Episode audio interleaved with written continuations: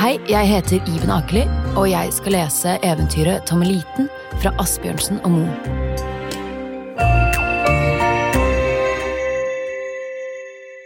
Det var en gang en kone som hadde en eneste sønn, og han var ikke lenger enn en tommelfinger. Derfor kalte de han også Tommeliten. Da han var kommet til Skjells år og alder, sa mor hans til ham at han skulle ut og fri, for nå syntes hun det var på tide han tok til å tenke på å gifte seg. Da Tommeliten hørte det, ble han glad. De fikk i stand kjøregreiene og reiste av gårde, og moren satte ham på fanget. Så skulle de reise til en kongsgård, der var slik en stor prinsesse. Men da de hadde kommet et stykke på veien, ble Tommeliten borte. Hun lette lenge etter ham og ropte på ham og gråt fordi han var borte og hun kunne ikke finne ham igjen. Pip, pip, sa Tommeliten.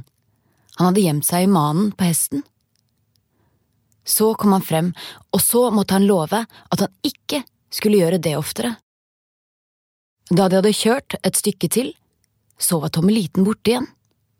Moren lette etter ham og ropte og gråt, men borte var han.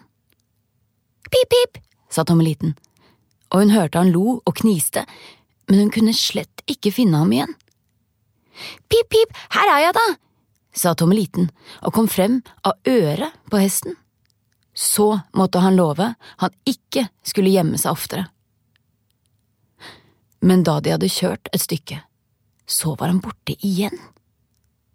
Han kunne ikke berge seg.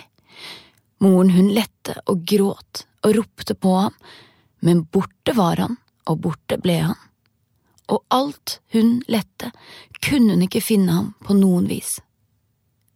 Pip, pip, her er jeg da, sa Tommeliten. Men hun kunne slett ikke skjønne hvor han var, for det låt så utydelig. Hun lette, og han sa pip, her er jeg, og lo og godtet seg fordi hun ikke kunne finne ham igjen. Men rett som det var, så nøs hesten, og så nøs den ut Tommeliten, for han hadde satt seg i det ene neseboret på den. Moren tok ham nå og puttet ham i en pose, hun visste ingen annen råd, for hun kunne skjønne han ikke kunne bryte arta.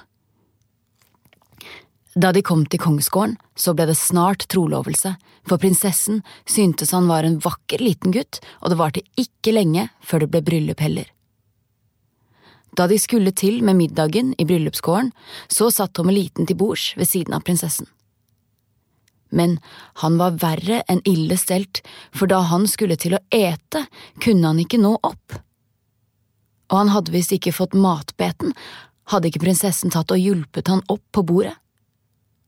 Nå gikk det både godt og vel så lenge han kunne ete av tallerkenen, men så kom det inn et stort grautfat, det kunne han ikke nå opp i. Men Tommy Liten visste råd. Han satte seg på kanten. Men så var det et smørøye midt ute i fatet.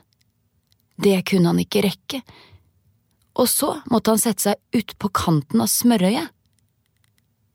Men rett som det var, kom prinsessen med en stor skje og skulle dyppe en dyktig grautbete i smøret, så han dumpet uti og druknet i smørøyet.